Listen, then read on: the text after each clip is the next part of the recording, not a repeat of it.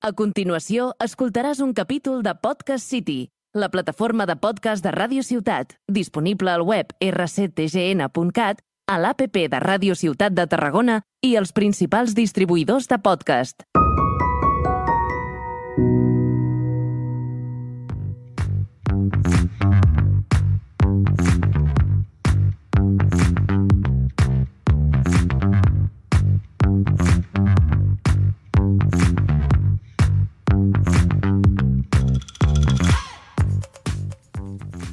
Buenos días, buenas tardes y por si no conseguimos vernos luego, buenas noches. Bienvenidos a Entrada para ah, bienvenidos a Entrada para dos, un programa presentado por yo mismo, TJ Calvet y Jordi Aldave. Hola, buenos días, bueno, o buenas tardes o buenas noches, no sé. Sí, depende ¿Qué? ¿Cómo de la hora que nos escuchéis. ¿Cómo estás, Tejar? Bueno, un programa más, nerviosos como siempre antes de empezar. Sí. Y bueno, ¿quién tenemos hoy con nosotros? Hoy con nosotros tenemos a Marcos García, Muy buenas tardes a todos, cariños, bebés. eh, acostumbra a trabajar de script, Sí. de director de cine y de eh, ayudante de dirección. Efectivamente. Y como siempre tenemos a los mandos de todo esto a la realización a Luis. Hola Luis, ¿qué tal? ¿Cómo estás? No me, no me molestéis mucho, me voy a fumar un rato, ¿vale? vale, perfecto. bueno, Marcos, bienvenido al programa. Muchas gracias. Vamos a ver qué, qué sale de aquí en esta primera entrevista mía. Sí. Es tu primera entrevista oficial como director de cine. Oficialmente sí. Sabes sí. que cuando hagas algo importante, este será el momento de tu mayor vergüenza. Sí, de aquí sacarán las cagaditas, los, los comentarios, bueno, a ver qué tal. Que no te cancelen por este programa. Bueno, ya veremos qué pasa. Bueno, eh, has ejercido de script muchas veces. Es un tema del cual queremos hablar contigo. Eh, tenemos una sección, intentamos traer a gente que trabaja en roles que son invisibilizados en el cine. Y probablemente muy poca gente de los que nos están escuchando saben qué es un script. ¿Qué es un script? Pues el script es como la cámara de vigilancia de- del rodaje. Es el que se encarga de, mm, que se mantenga una continuidad narrativa y, visual durante todos los planos del corto. Por ejemplo, si un actor o actriz está comiendo un bollicao o lo que sea y se cambia el tiro de cámara o el plano, ese bollicao tiene que tener eh, el mismo mordisco. Si la actriz pegó un mordisco o dos, pues el siguiente plano tiene que tener un mordisco el bollicao o dos. Y así con, con todo. Los actores tienen que tratar de, de hacer el, el mismo movi- movimiento todo durante todos los planos y el script es el que tiene que, que estar al tanto de todo eso. Es decir, que cuando vemos un vídeo en YouTube de las 10 mayores cagadas en las películas, normalmente es que el script ese día estaba en Bavia. Efectivamente, o estaba dormido en un sofá o... O bueno, también es que no se puede ser muy duro con ellos, porque es muy difícil, hay muchas cosas de las que estar pendiente, pero, pero bueno, sí, es culpa de- del script. ¿Cuál han sido los, los planos que has dicho, o qué objeto has dicho, este me está cargando todo, todos los planos? Bueno, sobre todo cuando hemos usado humo. cuando hemos usado humo en, en, en- en un corto, precisamente en el, en el tuyo, Jordi, en el que dirigiste tú, pues era muy complicado porque, claro, cada, cada toma, cada plano te- tenía que, que haber la misma cantidad de, de humo todo el rato. Entonces, a lo mejor estabais a punto ya de, de- de empezar a, a rodar el plano y ahí se escuchaba por, por los walkie-talkies mi, mi dulce voz, ¿no? De, de decir, espera que, que sobra humo o que hace falta un poco de humo. Y ahí había que esperar eh, un buen rato. Es, Sí, por es eso, es verdad. por eso que también al script se le suele chillar un poquito, ¿no? Muchas veces. Sí, tengo sí, que es verdad decir- que en tu corto el humo fue... Sí, muy bonito, muy mono, pero con humo no se graba. Se pone un filtro, un filtro después, pero con, con humo... Se arregla en pospo, ¿no? Sí, sí, sí. Efectivamente. Eh, también has ejercido de ayudante de dirección. Sí. Ayuda en dirección, precisamente en el tuyo, Tajer. ¿Nos van a volver a acusar de nepotismo? Puede ser. que, que ese fue un rol interesante y, y muy complicado. El ayudante de dirección, bueno, Lo hiciste de puta madre. bueno, mu- muchas gracias. no tengo la misma opinión, pero muchas gracias. Yo como director de ese corto te digo que lo hiciste de puta madre. No es difícil controlar a 40 extras. Efe- efectivamente, nada más empezar el primer día ya pues había que controlar 40, 50 extras en un día en el que hacía muchísimo viento además y en el que, bueno, teníamos problemas también de, digamos, de, de, de logística, ¿no? Sí, la verdad es que la petición de permisos estuvo ahí. Digamos Un que, poquito- digamos que tuvimos que ratear un poco el permiso para que nos dejaran usar el baño, ¿no? Teníamos permiso para usar el exterior, pero puede que nos inventáramos el permiso del interior. Bueno, y las vías que no llegaban. Efectiva- efectivamente. Yo, yo que te- tenía que estar en contacto con, con una persona que tenía que recoger las vías donde íbamos a poner encima la, la cámara para poder hacer eh, pues un movimiento eh, lateral o frontal de, de cámara. Y, Un traveling in de puta madre. Efectivamente, un traveling in o un traveling out. Y bueno, salió el, el problemita de que yo todo confiado, ya teníamos que empezar a rodar, no llegaba el, el chico con, con- con el camión. Primero llega, primero llega el chico con, con el camión, entre comillas, porque no era un camión, era una furgoneta. Eso era lo que iba a decir yo. Nosotros pedimos un camión. Efectivamente. No llegó un camión. Pedimos un camión y llegó una furgoneta más pequeña que, que Mate, el de Cars. Y eh, encima estaba vacía. Ah, Llegó la furgoneta vacía y claro, mi sorpresa, yo lo intenté no atabalar a atajar con tanta información para que no se estresara, pero llega vacía la furgoneta y le digo al chico, y muy bonita la furgo, pero ¿y las vías dónde están? Y claro, se- la cara de- del tío fue como, bueno, no sé qué me estás contando, ¿no? Entonces eh, tuvo, tuvimos que esperar otra hora más a que se fuera a, a Reus a buscar la- las vías y volver. Bueno, fue, Que una a todo eso ya. teníamos un equipo B con personas que estaba esperando a, esa- a ese camión en Reus para cargarlas en el- dentro. Efectivamente. No, no, fue... Fue... Empezamos bien el rodaje. Empezamos bien, pero bien tensos. Y a todo esto llegó un autobús. llegó, bueno, yo que encima soy de personalidad ya, digo yo que tranquilita, medio tímido, pues claro, te llega un autobús con 40, 50 extras, claro, eh, dedícate tú a, a controlarlos, ¿no? A, a tenerlos entretenidos, a decirles qué tienen que hacer, que en eso, bueno, pues gracias a Dios me ayudó también Jordi y otro compañero eh, que se llama Víctor Torrens. Desde aquí un, Desde un aquí una- saludo. una- una- un saludo y una patada. Eh, no, pero claro, controlar a 40, 50 extras, entre las cuales había una... Sí, hablemos de ella. Hablemos de ella, ¿no? Había una... Una chica un tanto peculiar, ¿no? Que se iba paseando. Bueno, ella estaba disfrutando en su mundo el, el rodaje, ¿no? Digámoslo. Y, y claro, el ayudante de dirección, una de las funciones que tiene que hacer es controlar el, el tiempo, o sea, que no nos pasemos de, de- de tiempo en un plano o en, un- o en una toma. Tenemos que ir rapidito porque no podemos estar todo el día. Hay una hora para este plano, Claro. en una hora quiero este plano. Efectivamente, no podemos estar todo el día en el mismo plano, ¿no? Hay muchas cosas que hacer.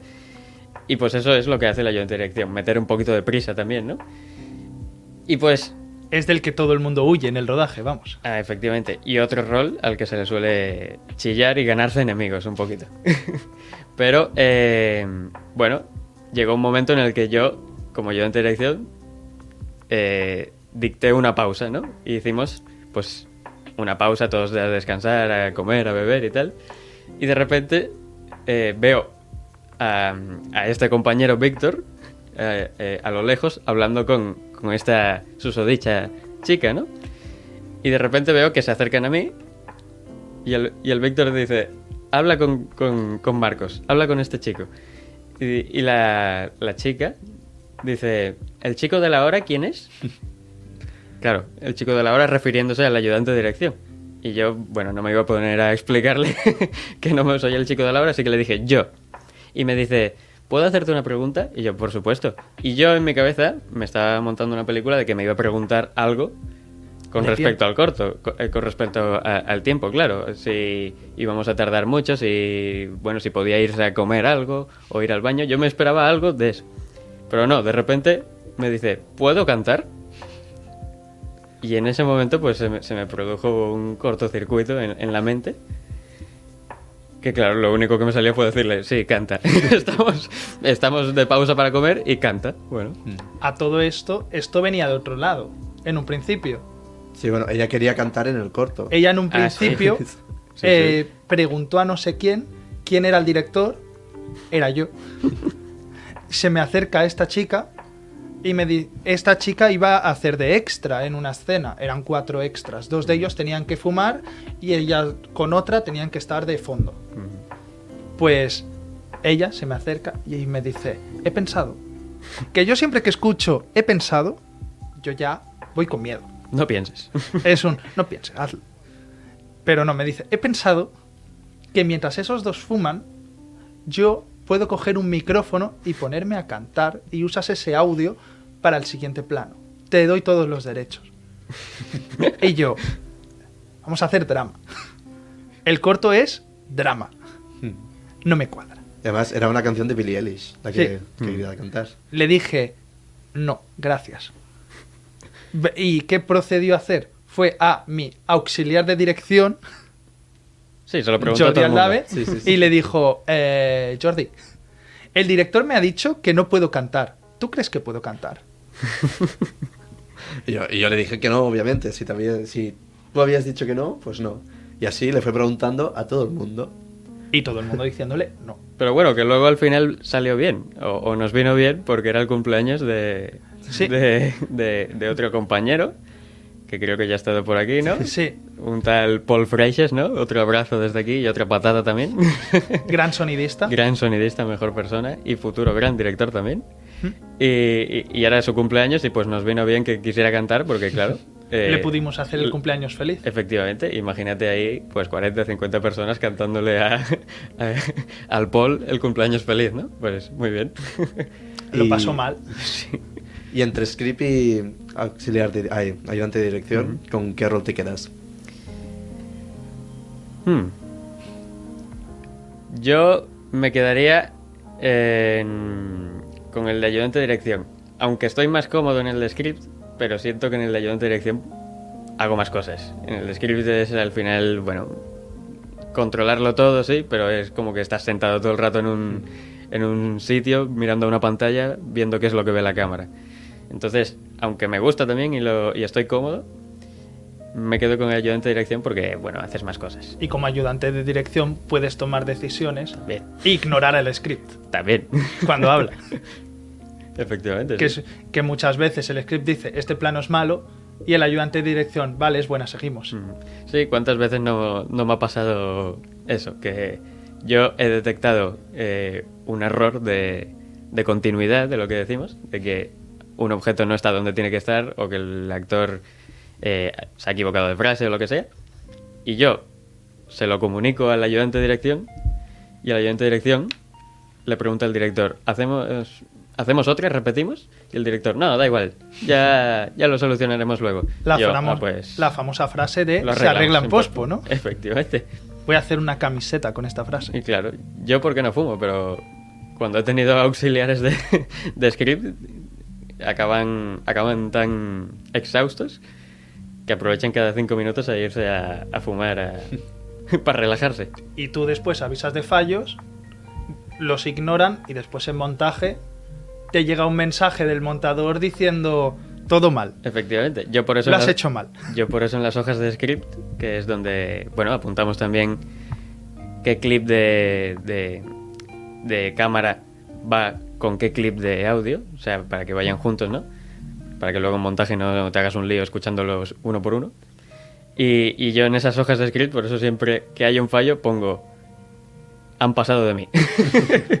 para que luego en el montaje no me reclamen nada. Vale, hecho, bien hecho. ¿qué sensación te viene en el cuerpo si te digo la siguiente frase? Ah, la siguiente frase. La siguiente frase. La siguiente frase.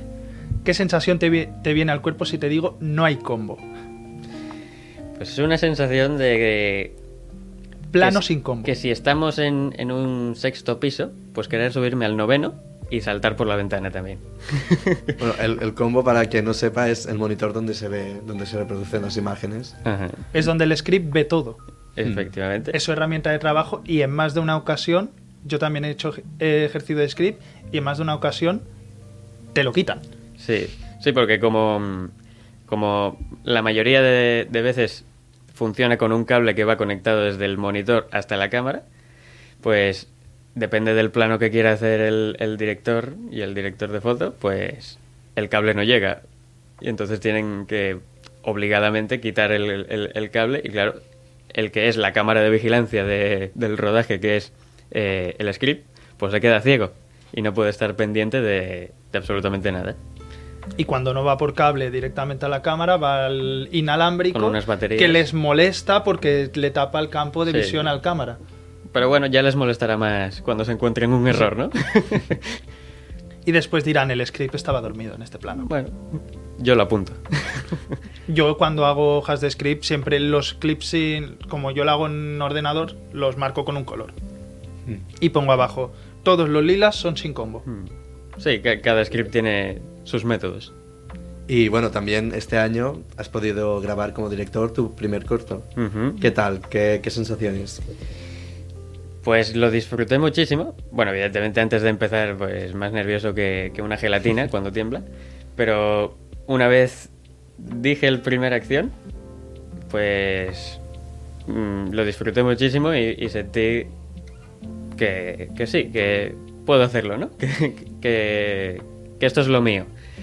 Y, y bueno, ahora que también está en fase de postproducción, casi finalizando, eh, pues estoy bastante con- contento con el resultado. Nunca estaré, pero esto es cosa mía, nunca estaré contento al 100%. Pero nunca se está contento al 100%. Sí, pero yo menos.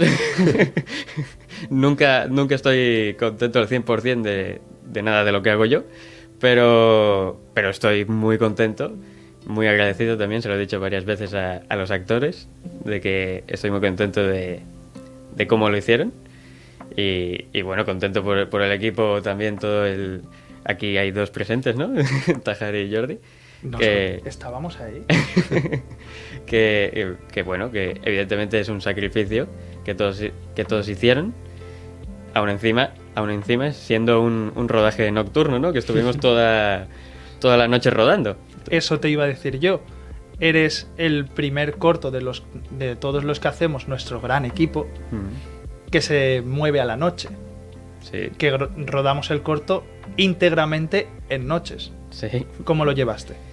Fue una decisión complicada y que hubo que defender mucho ante, bueno, ante el, Ante el ante productor. el productor y, y bueno pero al final es lo que había que hacerse porque si no iba a ser muy complicado que fuera creíble y Era necesario. era necesario sí En fotografía, sí mucha parte se veía al exterior y todo sucedía en la ficción en la noche. Y, y- y tenía que notarse que, que era en la noche que luego el bueno el, el- el precio a pagar era que todos parecíamos momias no pero pero bueno muy contento muy contento Y pregunta obvia, aunque ya sé la respuesta. ¿Alguien se durmió en el rodaje? Sí, sucedió una cosita muy, muy curiosa. y es que, bueno, todos, todos trabajando duro, todos dando el, el 100%, pero bueno, me- eh, una, una compañera de- del rodaje pues le, le entró el sueño, evidentemente, como, como a todos, y decidió pues que como en ese momento no era totalmente necesario que ella estuviera presente, pues dijo, Siendo jefa de siendo departamento. jefa de, de departamento, sí, pues supongo que dijo, me merezco unas vacaciones y fue a, a echarse una siesta, Se fue a la segunda planta donde en teoría no teníamos que estar, efectivamente, a un sofá a mimir. Buenas noches. efectivamente. Pero bueno, cosas que pasan, quedan en anécdotas para Mm. luego contarlas como ahora y, y nada. Yo, una cosa que, bueno, que es gra- muy gracioso, bueno, que me pareció muy gracioso, a lo mejor en el momento no. Una de las escenas ya que estábamos acabando la noche, que le teníamos que grabar fuera, que empezó a llover y a hacer viento, madre mía. Mm. O sea, Eso. muy Sí. chula, pero. Sí, sí. Eh, la verdad es que ahora que lo estoy recordando fue muy estresante el rodaje. Porque eh, fue en Hospitalet y igual que en el corto de, de- de Tajar, eh, pues hacía muchísimo viento y le dio por llover. Le y no tenía que la llover. casa a la misma persona. Efectivamente. Desde aquí un saludo, Un al saludo. primer invitado, David Gisi, por ceder su casa a nuestros cortometrajes Y a sus padres también. y a sus padres. Y, y pues hacía muchísimo viento, evidentemente no tenía que hacer viento, aunque luego quedó Vino guay, bien. quedó guay para los últimos planos. Como director de foto yo veía los planos Sí, y sí. el viento me encantaba. Sí, sí, sí. Y, y luego otra cosa que no podía pasar era que lloviera. Y llovió. Entonces, pues, muy estresante. Pero luego también hay otra anécdota de que eh, en uno de los planos esos exteriores tenía que caerse un, un sobre con, bi- con billetes de, bueno, de dinero, ¿no? Y evidentemente no íbamos a usar billetes de, de verdad. Íbamos a usar unos billetes falsos que... En, en principio. En principio íbamos a usar unos billetes falsos que... que- pero bueno, que... que el se- departamento de arte tenía que conseguir. Efectivamente. Y... Y yo, bueno, le dije a, a- a la, a la jefa de, de arte y a su ayudante también todo lo que había que conseguirse para cada escena y tal. Y yo pues me desentendí en ese sentido de que, bueno, tranquilo, porque harán su trabajo, ¿no? Y el día antes de empezar el rodaje, eh, yo pasando listas de las cosas, ¿no? Porque, bueno, no estaba del todo seguro con respecto a arte. Había Y- que repasar, siempre es bueno que repasar el día repasar, antes. claro. Y le, y le voy pasando lista de las cosas que tenía que conseguir. Botella de vino, sí. Eh, pulseras, sí. Bueno, sí. Bueno, las tuvo al final. y, y una de las cosas era esa, unos billetes falsos. Y me dijo, sí, los tengo. Y yo, ¿seguro los tienes? Y me dice, sí, lo que pasa es que he tenido un problema y no pueden ser, eh, no son unos billetes muy, muy grandes ni muy realistas. Así que, ¿qué te parece si te doy los eh, billetes del Monopoly para que... billetes del Monopoly para que, para que los uses?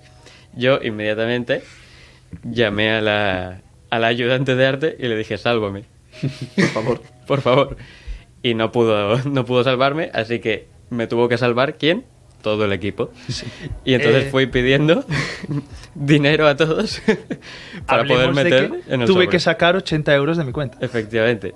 En billetes de 20. Y todos esos, todos esos billetes de cada compañero los metimos en el sobre. Pero hay que recordar que hacía viento. Era lo que iba a decir. ¿Qué pasaba en ese plano con ese dinero? Hay que recordar que hacía viento. Entonces había una tensión muy grande en el momento en el que se tenía que caer ese sobre con, con ese dinero adentro Directo al suelo. directo al suelo.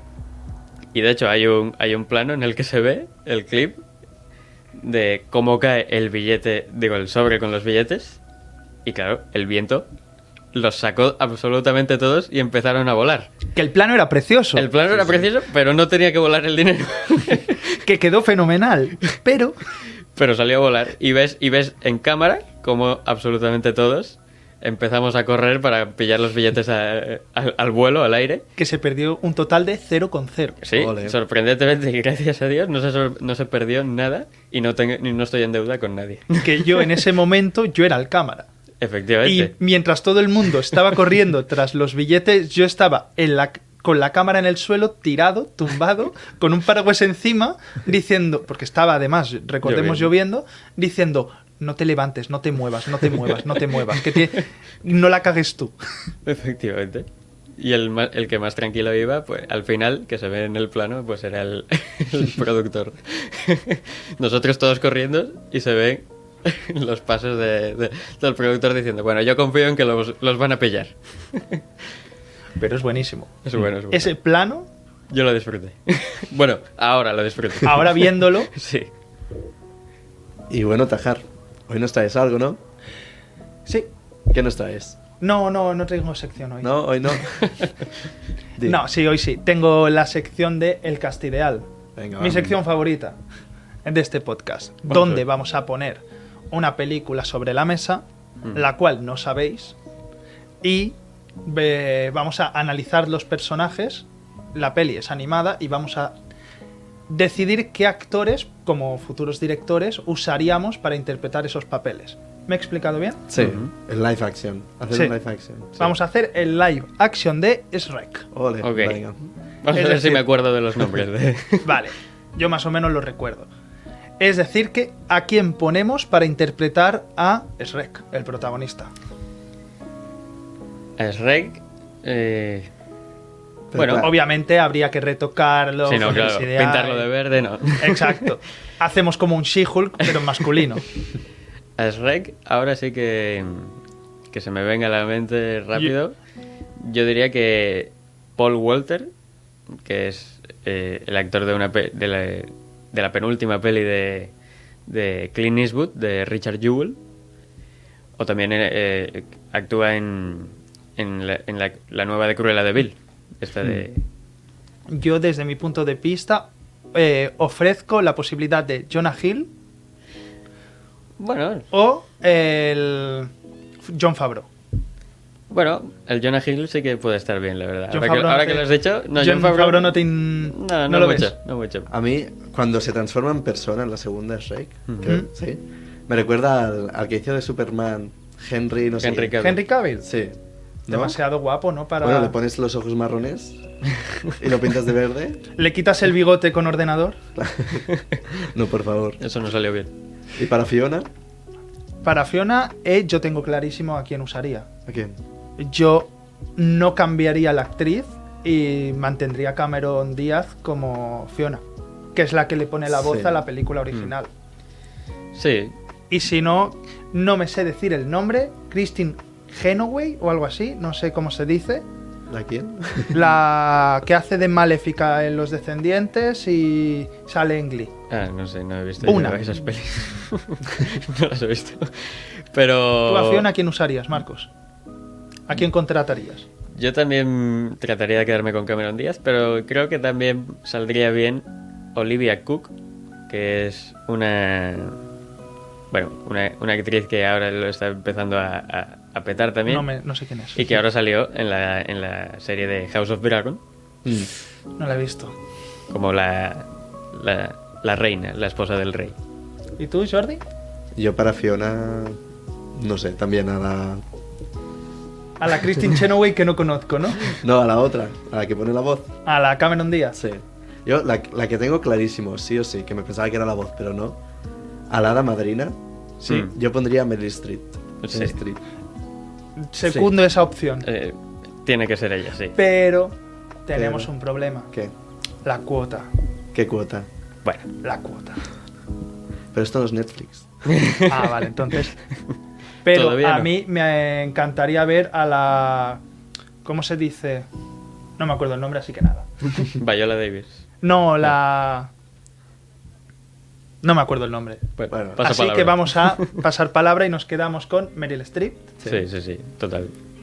o eh, la Reina Blanca de Narnia. Ah, vale. No me acuerdo el nombre No. tampoco, soy malísimo con los nombres. Para la Tilda Swinton. Tilda Swinton. Para la Hada Madrina. Sí. No, no sé yo, eh, ahí. No, no lo veo yo.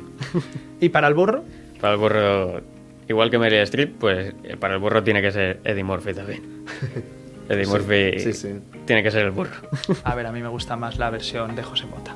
De José Mota. bueno, no. La española. Bueno, La de aquí, Ah, la de porque casa. Eddie Murphy lo clava ahí con la voz. Sí, y claro, tendría que ser hecho por ordenador. Sí. Así que sí o sí tendría que ser su voz otra vez. a cuatro patas. Jordi, Bueno. por favor. ¿Y para el gato con botas? Es que claro, estamos tirando a los actores originales Bueno, para pero este si para lo- el live si lo action. clavan- Porque claro, es obvio que tiene que ser. El gato con botas no puede ser otro que Antonio Banderas. Hmm. O Javier Bardem. Mm, no. ¿No? Bueno. Luis, haznos una propuesta. Dani Trejo. Ah, Tani Trejo. El putísimo machete, claro, Dani Trejo. No, no me descuadra. yo, estaría bien ver a Ernesto Sevilla también ahí, ¿eh? Como el gato con botas. A ver, eso ya sería la hostia, pero Ernesto Sevilla habla inglés. bueno, si no. A ver, yo tampoco, Si no así se le dobla, ya está. Doblar a un doblador. Efectivamente. ¿Y qué personajes nos queda? Queda eh, el príncipe encantador. Hmm. Y... Y que Para- obviamente ¿Qué? sería Tom Holland, Ostras, tío. porque no lo hemos metido y hay que meterlo en todo. Claro, claro. Estoy de si no, Tom no Holland ya. triunfa. Está, O Timothy Chalamet. coronilla. O. Timothy Chalamet, que es el Si no, no otro, y no hemos metido a Zendaya en ningún personaje. Se nos fue. Para el yo- próximo programa ya. Del encantador sí que puede ser Henry Cavill. Hmm. Mira, Henry Cavill sí, es De verdad. Como prin- Piensa que es un papucho, su cara está tallada por los mismos ángeles. Bueno, Eh, ya llevamos la media hora de programa Sí. cumplida. Así que muchísimas gracias por haber venido, Marcos. A vosotros por invitar. Muchísimas gracias a ti, Jordi, por estar un día más. Merci. Muchísimas gracias a Luis. Y. A ti no. Ah, pues gracias.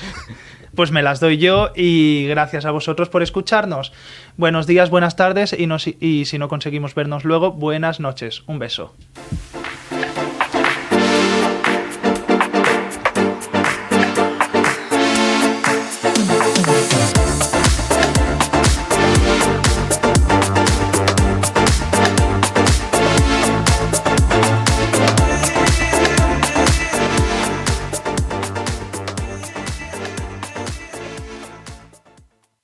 Has escoltat un capítol de Podcast City, la plataforma de podcast de Ràdio Ciutat, disponible al web rctgn.cat, a l'APP de Ràdio Ciutat de Tarragona i els principals distribuïdors de podcast.